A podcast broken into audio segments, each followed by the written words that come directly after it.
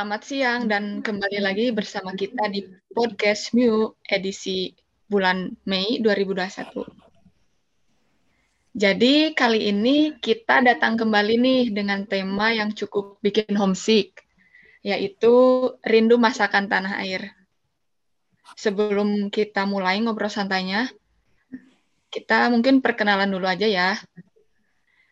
Di sini aku Vinky, lagi Ausbildung Baker di Städtische Berufsschule für das Baker und Konditorei München.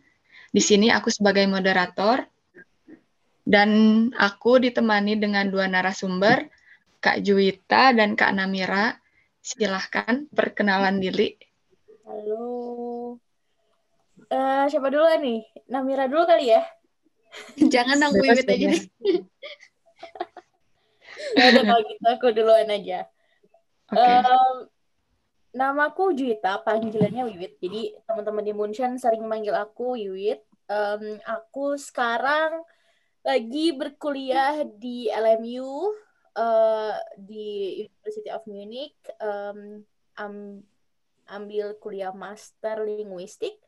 Sekarang udah di semester akhir, insya Allah semester ini selesai. Dan ya udah, gitu aja. Wih, mantap Kak Wiwit, semangat. Terima Finish kasih. Bentar lagi. Iya, terima kasih. Amin, doakan. Amin, amin. Pasti selalu doakan. Oke, selanjutnya Kak Namira. Nah, halo. Uh, namaku Namira. Tapi dipanggilnya uh, banyaknya sih teman-teman panggilnya aku Ira. Uh, sekarang aku lagi di Jakarta uh, sambil menunggu suami uh, di Jerman. Tapi uh, di Jakarta aku uh, buka usaha sih kayak uh, dessert sama makanan uh, Indonesia kayak gitu juga. Gitu. Wih, mantap nih. Berarti sekarang di Jakarta lagi udah malam ya? Udah, udah jam 7. Wih, mantap. Makasih buat Kak Namira yang udah meluangkan waktu dan Kak Juwita juga bisa jadi narasumber kali ini. Ya, dengan senang hati. Ih, mantap nih. Ayo kita mulailah. Ya, jadi, hmm, kalau ngomong-ngomong tentang tema kali ini nih, rindu masakan tanah air. Kalau di Jerman lagi pada homesick suka tiba-tiba pengen masak atau makan makanan khas Indo nggak sih? Pastinya. Kalau Oke, dari Kak Namira bisa diceritain gitu. Pas dulu di Jerman? I, uh, ya pas dulu di Jerman. Dulu aku juga pernah sekolah di Swiss ya. Jadi itu oh, ngerasa oh. banget homesicknya. Uh, pas uh, aku di Eropa, uh, pas aku homesick tuh aku kangen banget makanan Indonesia apalagi uh, martabak martabak asin. Tuh aku kayak aduh kangen banget pengen banget bikin kayak gitu kan. Terus akhirnya aku cari bahan.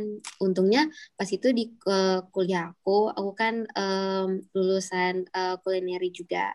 Uh, untungnya aku uh, cari uh, bahan dan aku bisa uh, masak di kuliah aku tuh juga Terus uh, aku juga mengenalkan makanan Indonesia juga sih untuk teman-teman aku kayak gitu. Uh, pas di uh, lunch kayak di kantinnya gitu. Uh, kalau aku pak kalau homesick aku pak uh, ya kalau nggak martabak kayak bakso, kayak makanan jajanan gitu deh di uh, di luar street food gitu. Pokoknya intinya makanan abang-abang ya.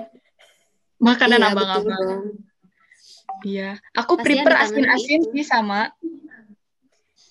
Iya, enak sih memang kalau misalkan ngemil asin-asin terus gurih-gurih dan banyak iya, gitu kan. Wah, itu emang udah lidahnya orang Indonesia banget sih.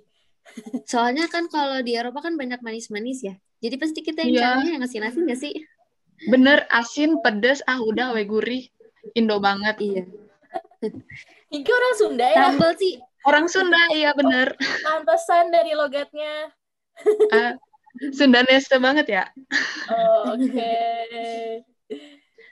Tapi BTW tadi kan su uh, suka bikin martabak apa martabak asin nih pas kemarin uh, di Eropa telur, di Swiss atau di Jerman ya eh, martabak telur kan susah tuh bikin lumpia eh apa kulit lumpianya gimana sih itu bikinnya kan nggak ada di sini yang jualan langsung uh, emang sih agak ribet ya kalau bikin kulitnya sendiri. Tapi aku cari alternatif sih paling kayak uh, kulit risol. Jadi aku bikin kayak martabak mini gitu loh, nggak yang gede Asli. banget. Tapi kalau misalnya ada yang size uh, lumpianya yang gede, uh, ya dimirip-miripin lah nggak apa-apa. Tapi iya. isinya yeah. sih harus fix sama kayak dagingnya, apa telurnya, terus kayak uh, bumbu-bumbu racikannya lah harus mirip-mirip abang-abang lah. Apalagi sama yeah. kuah kuah apa? Kuah yang buat martabaknya itu loh. Iya benar. Malah mungkin kalau untuk isi martabaknya di sini kita pakainya lebih royal dan lebih banyak gak sih? Uh, karena iya dong pasti. Karena iya. kan bikin sendiri gitu. Kayak iya, abang-abang ya. Iya. semakin kan banyak telur semakin gitu banyak kan. dagingnya semakin mahal. Iya, iya. benar. Kalau Kak Juita nih gimana nih? Kalau homesick bikin apa sih biasanya? Wah aku tuh homesick homesick banget. Karena dulu kan uh, sebelum aku tuh di sini udah lima tahun. Wah, lama banget ya. Lama. Dan dulu itu sempat aku tuh setahun oper, abis itu langsung kuliah. Mm -hmm. Nah, uh, pada masa oper itu kan kita tinggal uh, saya uh, saya aku kan tinggal di keluarga Jerman kan jadi yeah. Ya. uh, kemungkinan untuk bisa makan masakan Indonesia itu sulit banget gitu kan karena orang Jerman itu lumayan sensitif sama bau-bauan uh, masakan dan sedangkan masakan Indonesia itu kan lumayan kuat banget bumbu-bumbunya dan di Indonesia tuh aku tukang jajan. Dalam artian aku suka banget nyobain masakan eh, apa makanan-makanan baru. Jadi kayak makanan makanan baru atau makanan lama juga aku suka banget. Jadi aku kalau di Indonesia senang banget kayak pergi ke luar kota ke mana terus nyobain makanan khas di sana gitu kan.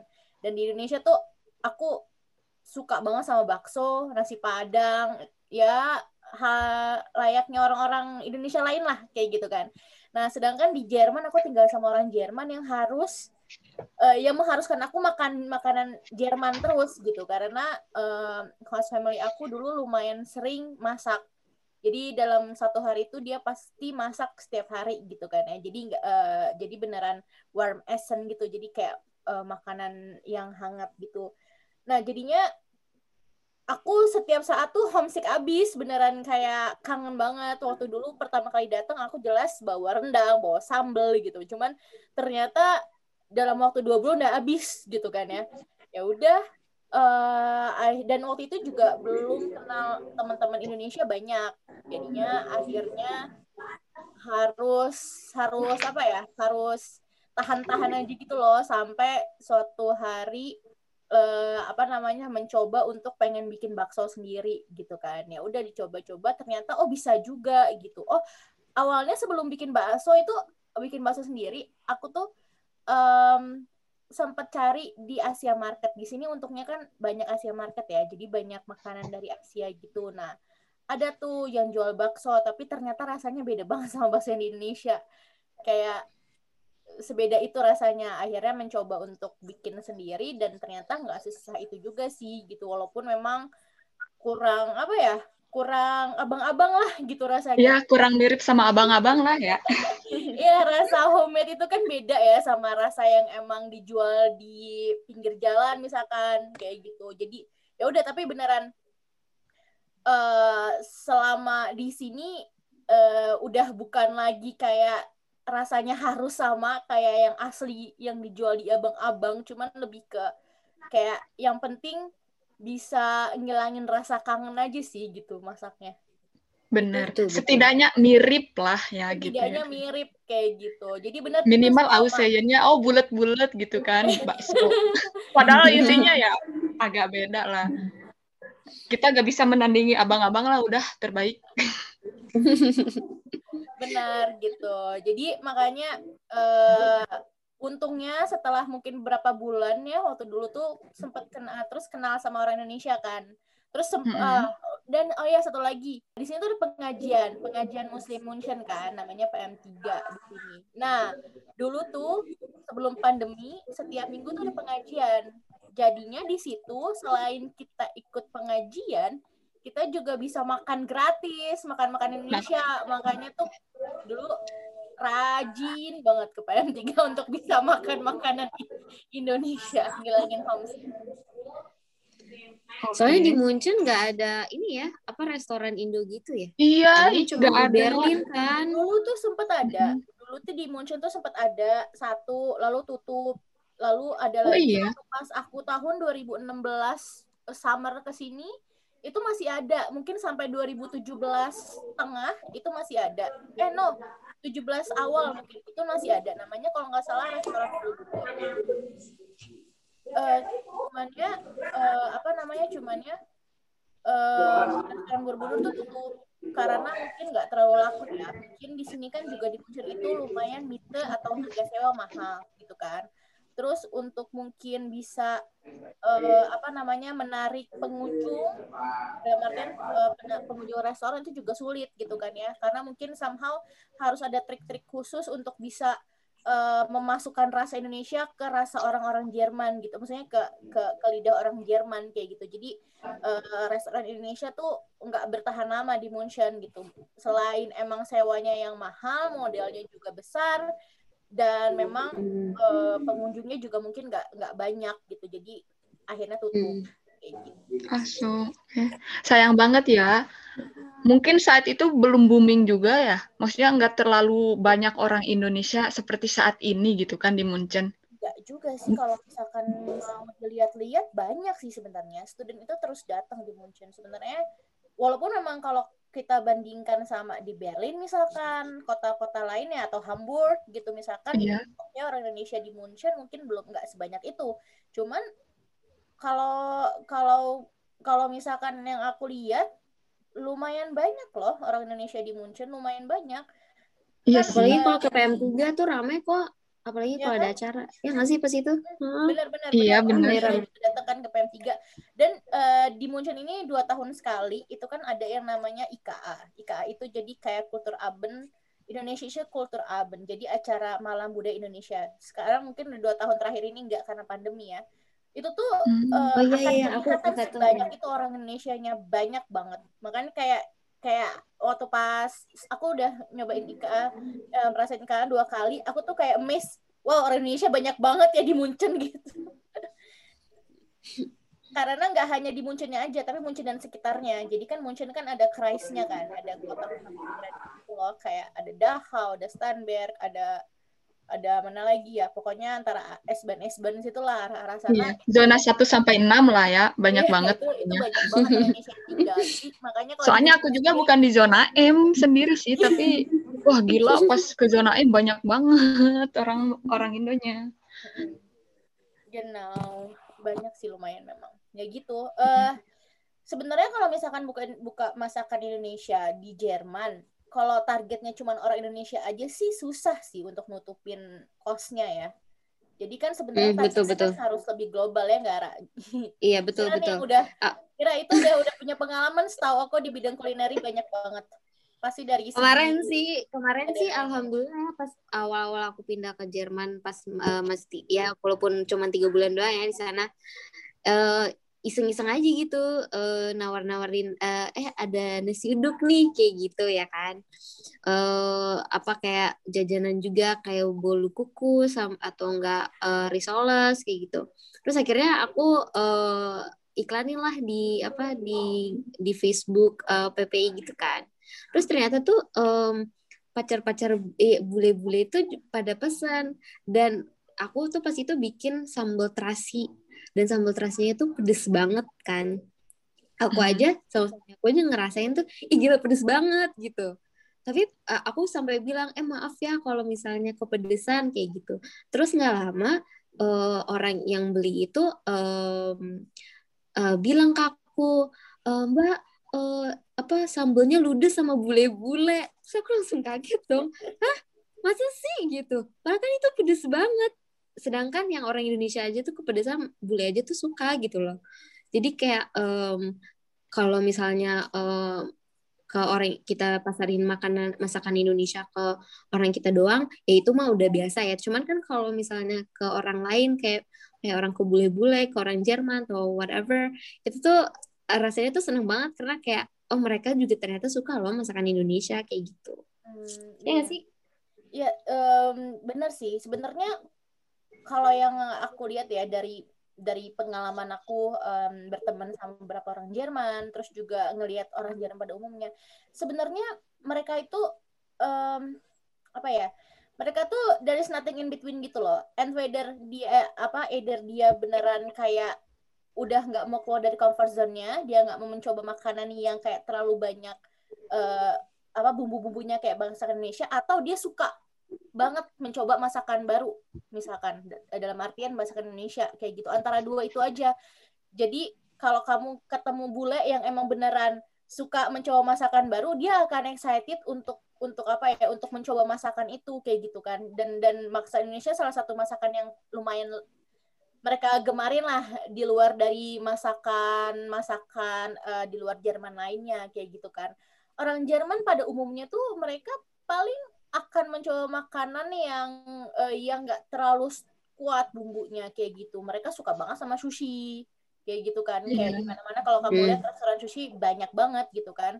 Terus juga atau Asian Imbis kalau kamu kalau misalkan kamu di Jerman uh, kan kamu akan merasain restoran satu dengan restoran yang lain itu menunya banyak yang sama kan kayak gitu kan ya mau yeah. restoran Vietnam mau restoran Thailand yang maksudnya Asian Imbis dari Vietnam atau Thailand atau dari mana sama-sama jual taikuri gitu kan ya. Sama-sama jual uh, apa sih um, gebratenes Henshin atau yang lain-lainnya. Maksudnya kayak karena dia uh, apa namanya mau nyari rasa yang aman supaya um, pasarnya tuh juga semakin luas gitu kan ya. Jadi pelanggannya juga banyak yang datang gitu. Cuman kalau kita emang mau strict sama cita rasa otentik yang emang beneran rasanya Indonesia sebenarnya nggak semua orang Jerman suka itu gitu Makanya iya, betul, orang betul. yang suka yang suka itu adalah orang yang emang uh, dari segi paletnya atau rasanya lidahnya itu pengen apa pengen nyoba yang baru gitu. Dan akhirnya mereka suka kayak gitu. Jadi udah orang Jerman tuh antara dua itu aja.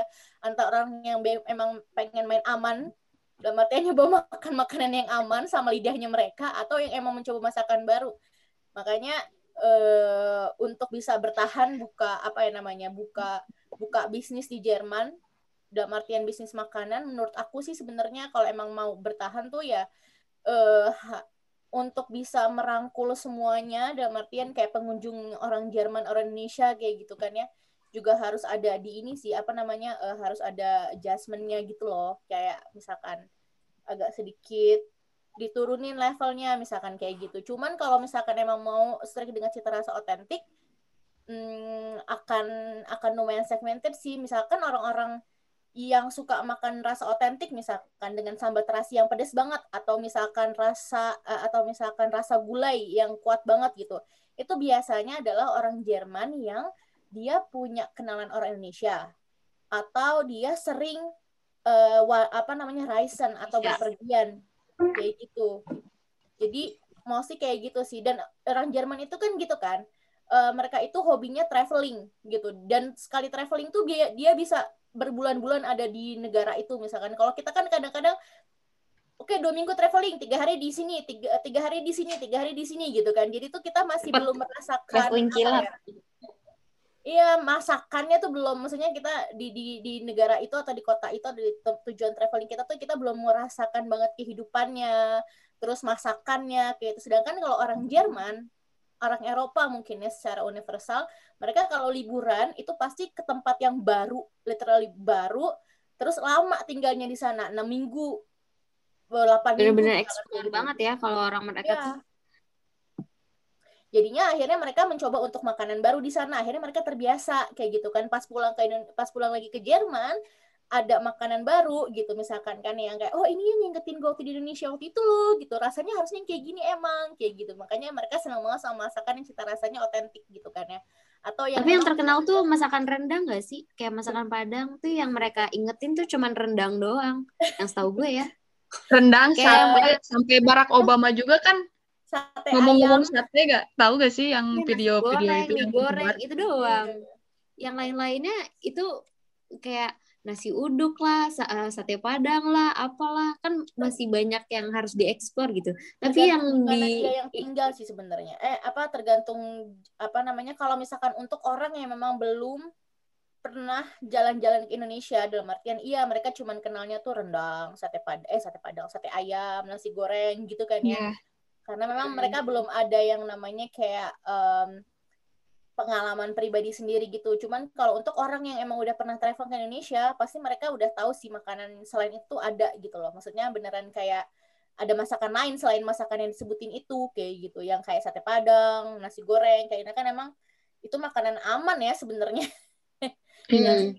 kayak gitu gitu. Terus kan reaksi bule ketika makan makanan Asia uh, atau Indonesia nih, kayak gila murah banget, terus enak banget banyak yang kayak gitu sih reaksinya. Aku lihat di YouTube, terus pernah aku juga makan, terus di belakang aku bule sampai bilang, gila, gila, ini murah banget, enak banget, gila, gila, gila. Sampai kayak gitu loh.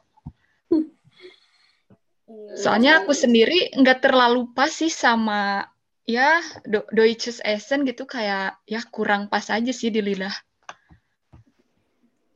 Iya sih. Ya mungkin kalau misalkan bilang murah ya karena memang dia mungkin lagi nyobanya di Indonesia sih. Cuman kalau misalkan dia iya, nyobanya di, di Jerman sama aja juga harganya.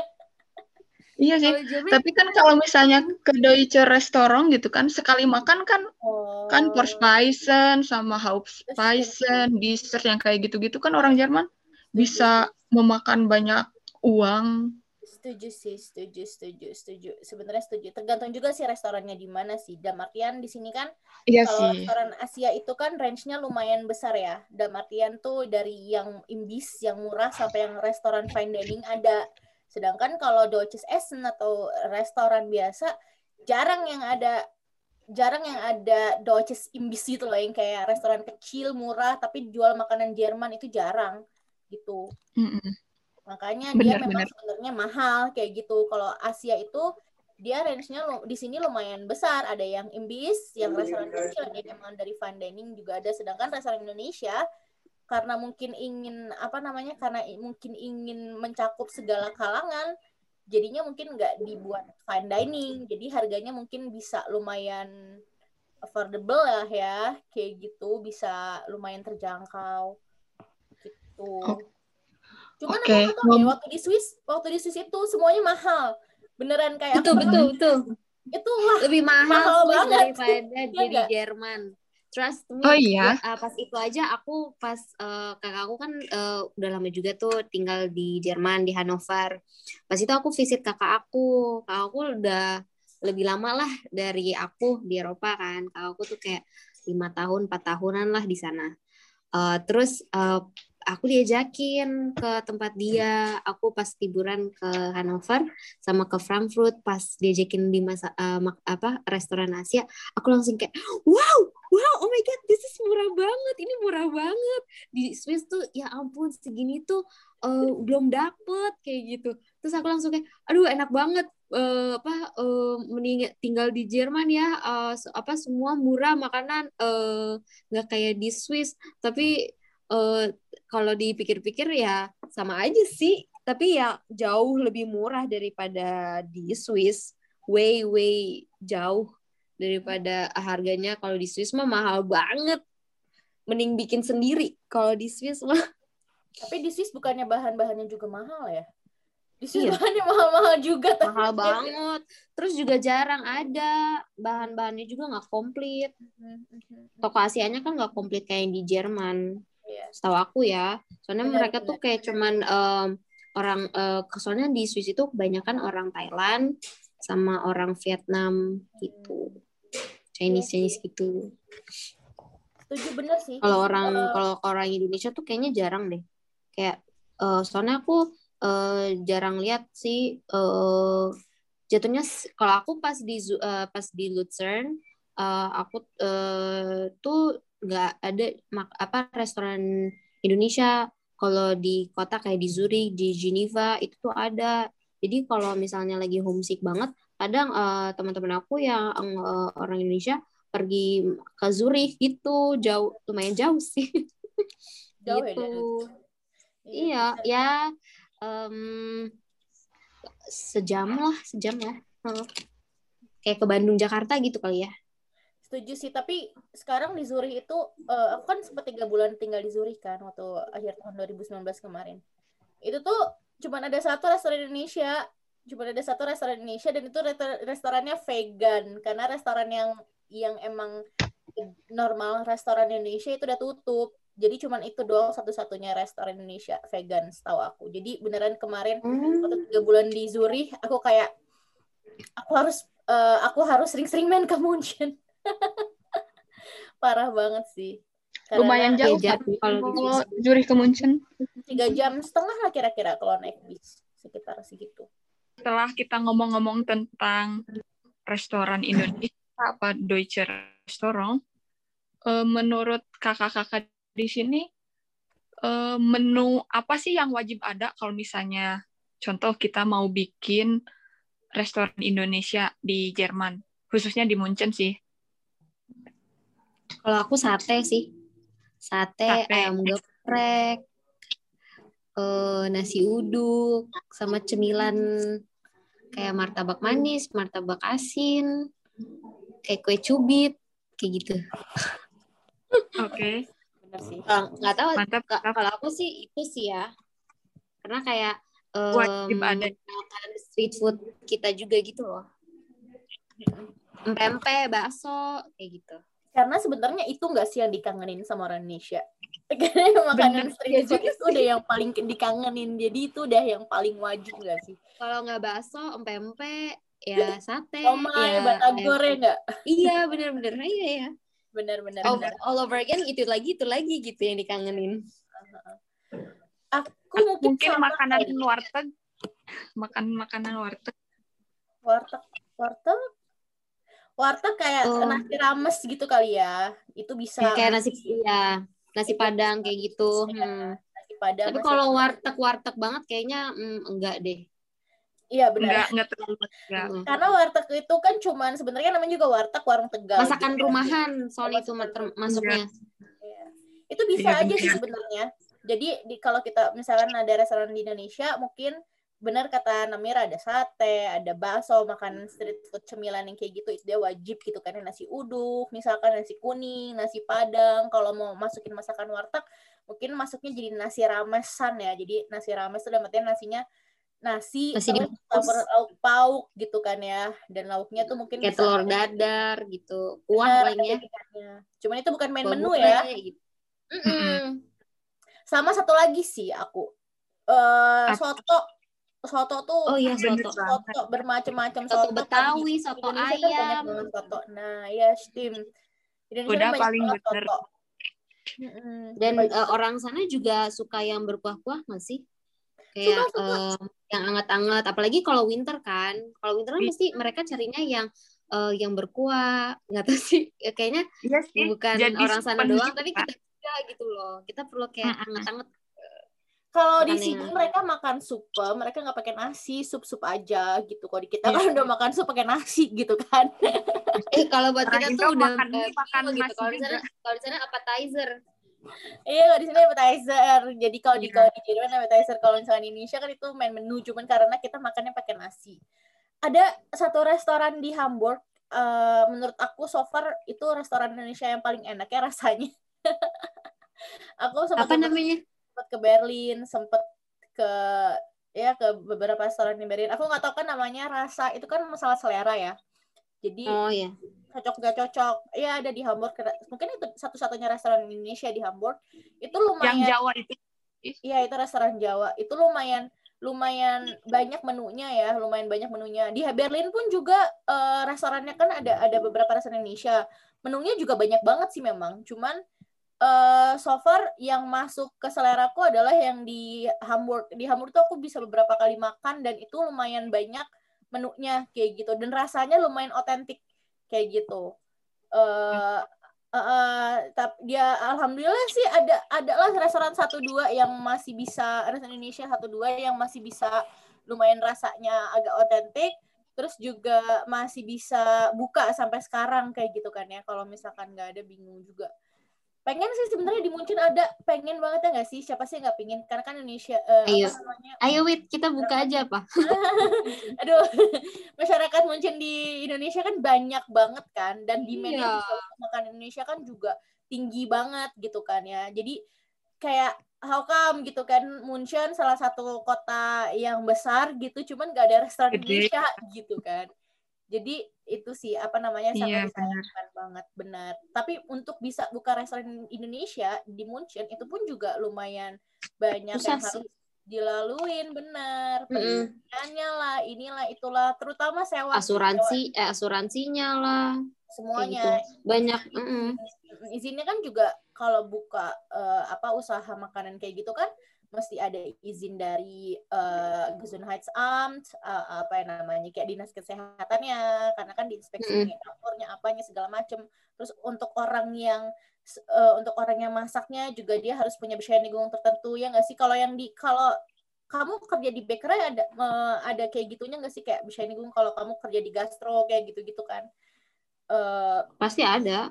ada kan? Iya. mungkin. Nah iya. kayak gitu. Terus iya pasti gitu, ada uh, daftar yang lagi. berhubungan sama makanan pasti ada sih. Nah udah kayak gitu daftar lagi ke Finansamt juga. Jadi kayak ke apa namanya untuk untuk daftarin pajaknya segala macam oh itu susah banget. Jadinya repot lah.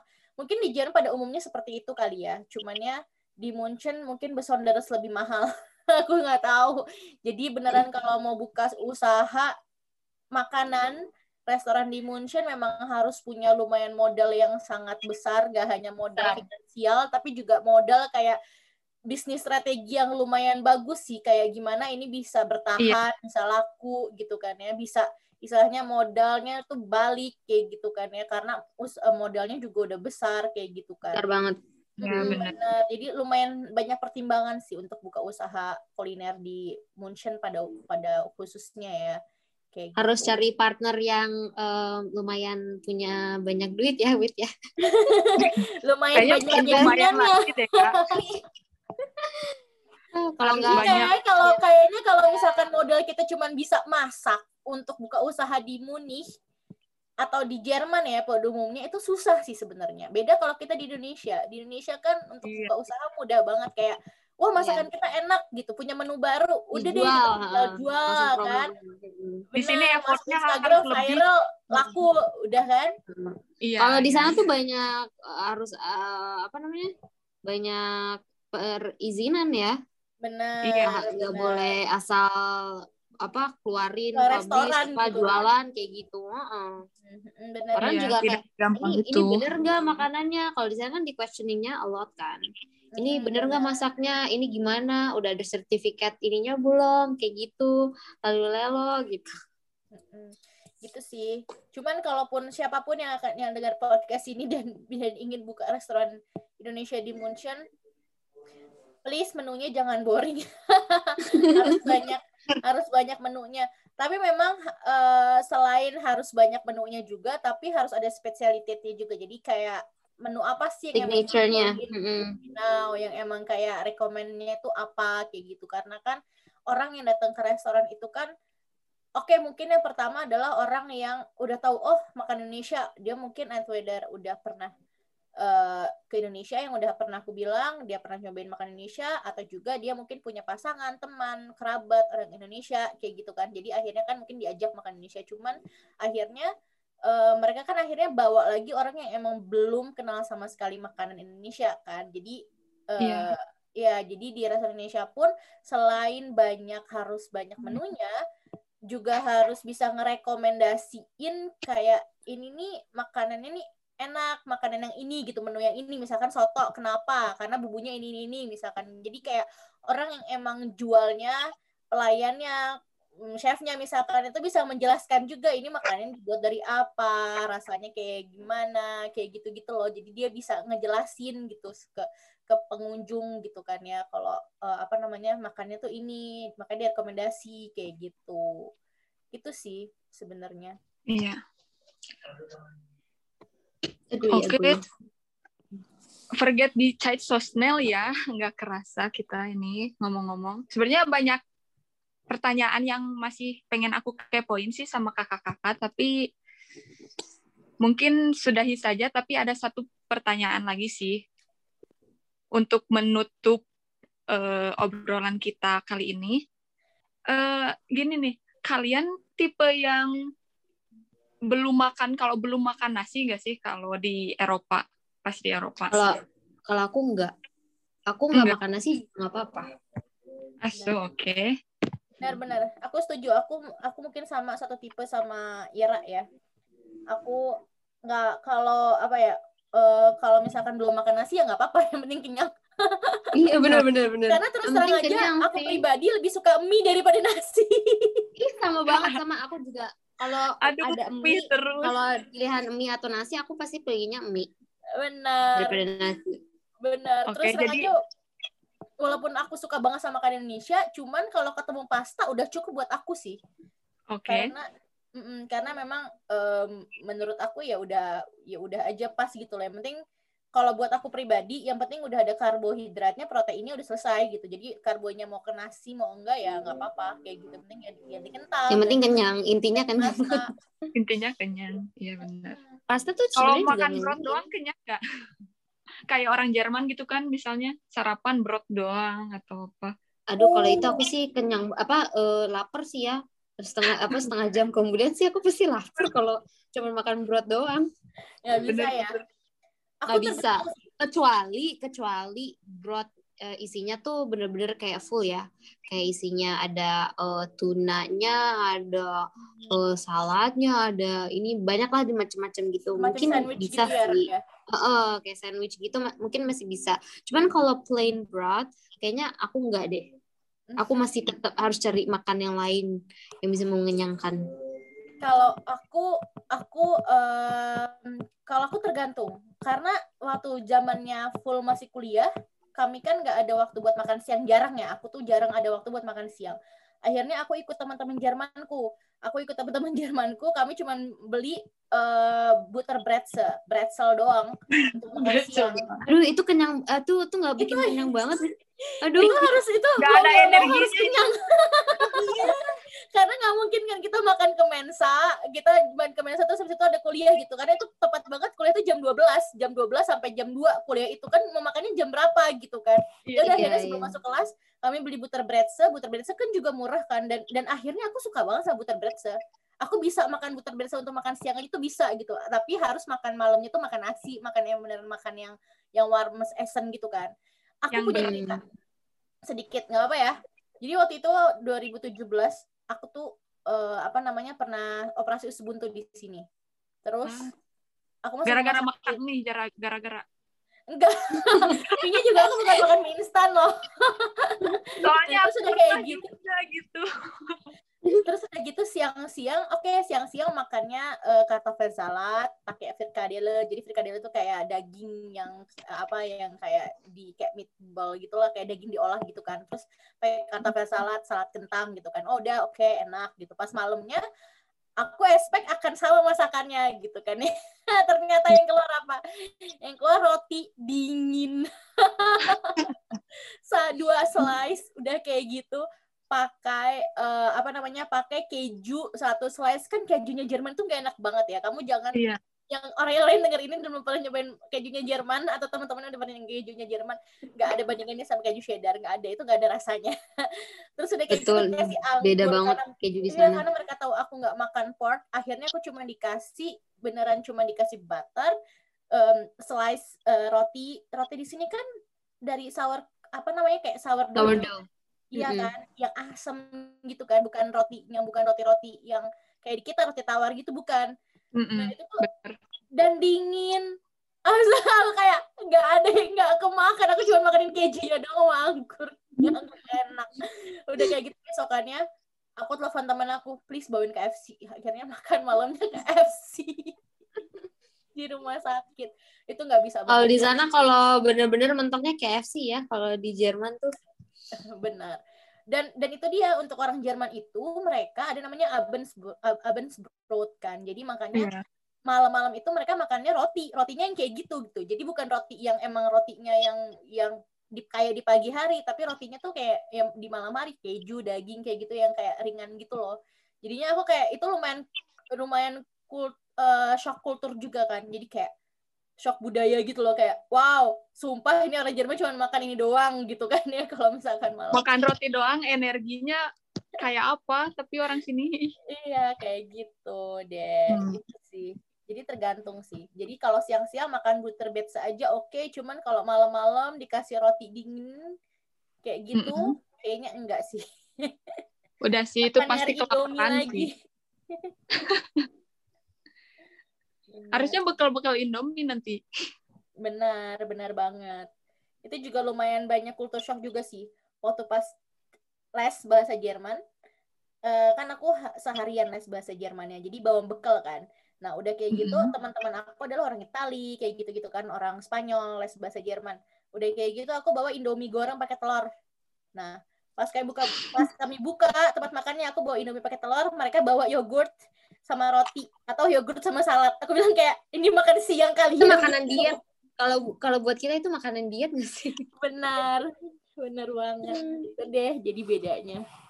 Tupis Indonesian lah pokoknya kalau kita udah bawa bekal ke sekolah Benar. sama orang-orang Eropa lainnya. Pokoknya. Tapi mereka seneng bawa bekal kok. Baunya semerbak.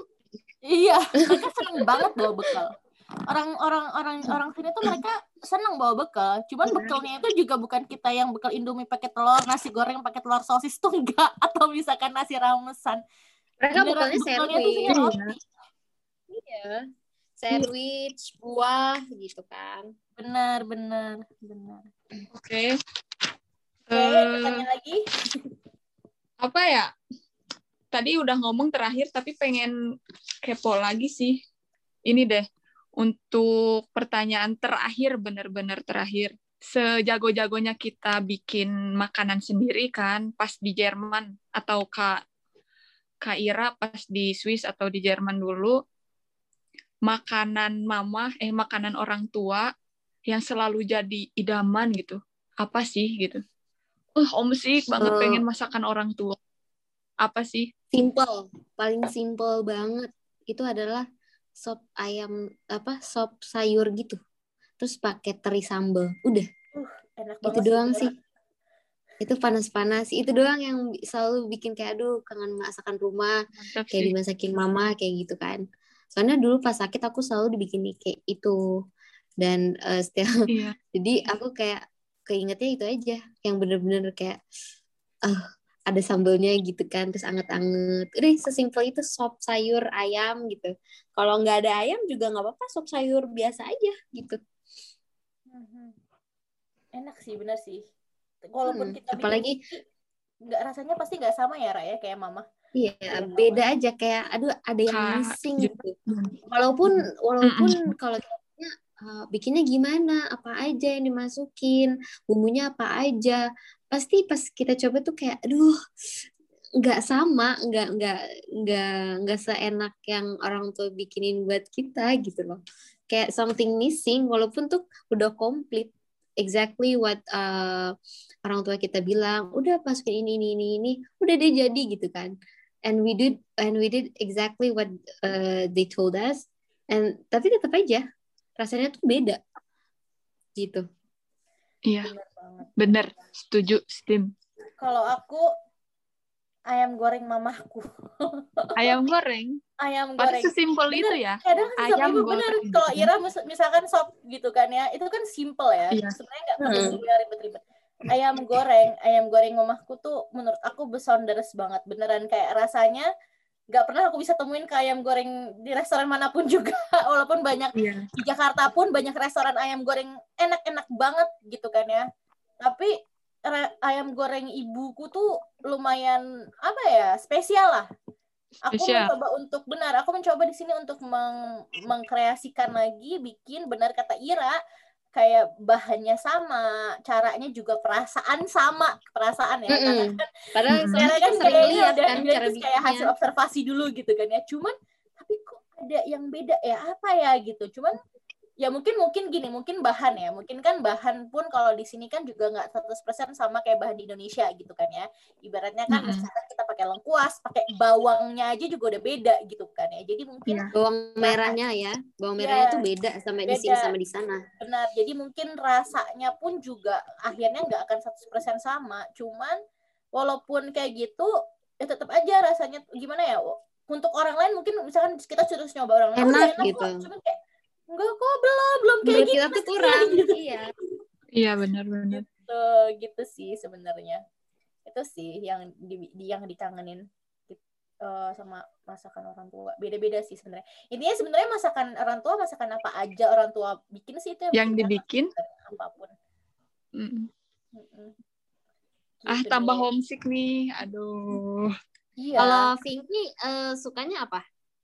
Yang paling ngangenin makanan kalau yang paling ngangenin bakso sih karena aku suka banget bakso. Hmm. Terus kalau masakan mamahnya, masakan orang tua paling sesimpel uh, tempe kecap yang di kotak-kotakin itu loh. Oh, tempe bacem. Tumis, tumis bukan, tempe. Bukan tumis, tumis tempe, tumis tempe buat Oh, tempe orak arik gitu ya. Iya. Hmm, enak sih. Tempe. Ya sesimpel itu ya. Kita juga Iya, sesimpel itu tapi bikin kayak itu tapi uh -uh. bikin ngangenin. Bikin ngangenin. Bener. Tempe di sini rasanya tuh beda ya sama tempe di Indonesia jauh. Beda, beda, beda banget. Kalau di Indonesia kan banyak apa? varian. Bener. Ada tempe oncom, ada tempe Malang lah, ada iya. tempe macem-macem. Kalau di sana kan tempenya cuma satu. Tempe, hmm. udah tahu. Tahunya itu juga beda banget. Nggak, aku ya. belum pernah ketemu ke tahu apa tahu Cina yang di pasar-pasar itu loh. Kalau di sana tuh oh. keras banget. Kenapa ya? Nggak uh, ada yang sesoft di Kira. itu. Tahu nggak sekarang aku udah nemu tahu yang enak di Munchen. Di di beberapa toko Asia uh, itu tahunya lumayan keras gitu kan. Mereka ada yang tahu kemasan. Kalau misalkan kamu pergi ke toko Asia yang di Rosenheimer Platz, dulu tuh yeah. ada fresh tofu. Jadi tofu yang di yang di kayak di bak gitu jadi kita ngambil sendiri atau ada yang di kemasan tapi rasanya sama-sama lumayan agak keras nah semenjak hmm. ada Goasia buka iya. ada apa Goasia oh Goasia uh, Goasia buka itu ada tahu tahunya itu produksinya di Berlin jadi mm-hmm. dia dijual tapi cuma ada di Goasia aku nemunya itu tahunya enak Go jadi dia itu wait Goasianya tuh Goasia tuh yang di itu bukan sih yang di yang di dalam mall itu stakus iya Iya, oh di situ. Iya. Aku kok belum, kok aku nggak ketemu sih? Belum masuk kali waktu itu, soalnya. Kayak masih tahunya mungkin belum masuk kali ya. udah, udah. Oh, udah. Tahu udah, udah. Aku udah masuk pertama kali yang tapi enggak, uh, baru buka gitu. Tapi aku belum Asia. Tahunya belum ada di Go Asia mungkin oh. waktu pas kira ada. Karena kan waktu pas kira di sini itu kan kayak Go Asia baru buka beberapa bulan kan. Nah, iya. Uh, nah sekarang kan Go Asia udah lumayan lama. Nah itu tahunya dia itu dia di kotak gitu terus udah gitu um, ada uh, apa namanya dia itu buatan Berlin tulisannya tuh kalau nggak salah hijau sama kuning itu itu tahunya teksturnya buat aku ya aku nggak tahu kan nama juga selera tapi. Itu teksturnya buat aku pas jadi dia nggak terlalu lembut kayak tahu sutra tapi juga nggak keras jadi tengah-tengah itu enak banget dan itu hmm. benar lima tahun ya lumayan lah lumayan lah itu hmm. Iya, lima tahun aku tinggal di Jerman. Aku baru ketemu tahu yang lumayan aku agak pas itu di situ. Jadi akhirnya akhirnya aku kalau beli tahu pasti di situ. Gitu. Dan aku lihat ternyata produksinya produksi Berlin. Hmm. Gitu. Mantap lah. Aku juga mau coba apa sih? Silakan. apa itunya? Kemasannya? Kemasannya, kemasannya itu kemasan kotak putih biasa, kotaknya juga kayak tahu Cina biasa gitu loh. Cuman uh, dia lumayan case-nya agak lumayan dan harganya nggak mahal. Harganya cuma 1,39 euro. Jadi tebel nggak? tuh? Lumayan besar. Lumayan dia lumayan lah tahunya. Kenapa? Tebel. Tebel lumayan gak? tebel. Uh, dia bentuknya sama persis sama kayak yang dijual-jual tahu Cina yang di supermarket pada umumnya yang lainnya. tahu. Uh, sama sama persis. Cuman dia memang hmm. di tempatnya agak lebih bagus pakungnya terus tulisannya itu natur tofu kalau nggak salah. Natur tofu gitu. Dan warna warnanya hijau kuning. Cobain deh. Yang di Munchen ya, silakan dicoba. Aduh balik lagi. Aku jadi penasaran deh. pengen balik ke sana. Iya. Doain ya, aku aku lagi Amin. menunggu kabar nih dari kedutaan. Amin. Mantap. Oke, lanjut lagi nih atau? Paling udah sih kita penutupan aja. Paling aku mau penutupan doa closing dan udah udahan. Oke. Okay. Oke. Okay. Oke, okay, jadi uh, terima kasih buat narasumber yang udah bisa berpartisipasi di podcast kali ini dan terima kasih juga kepada pendengar setia podcastmu.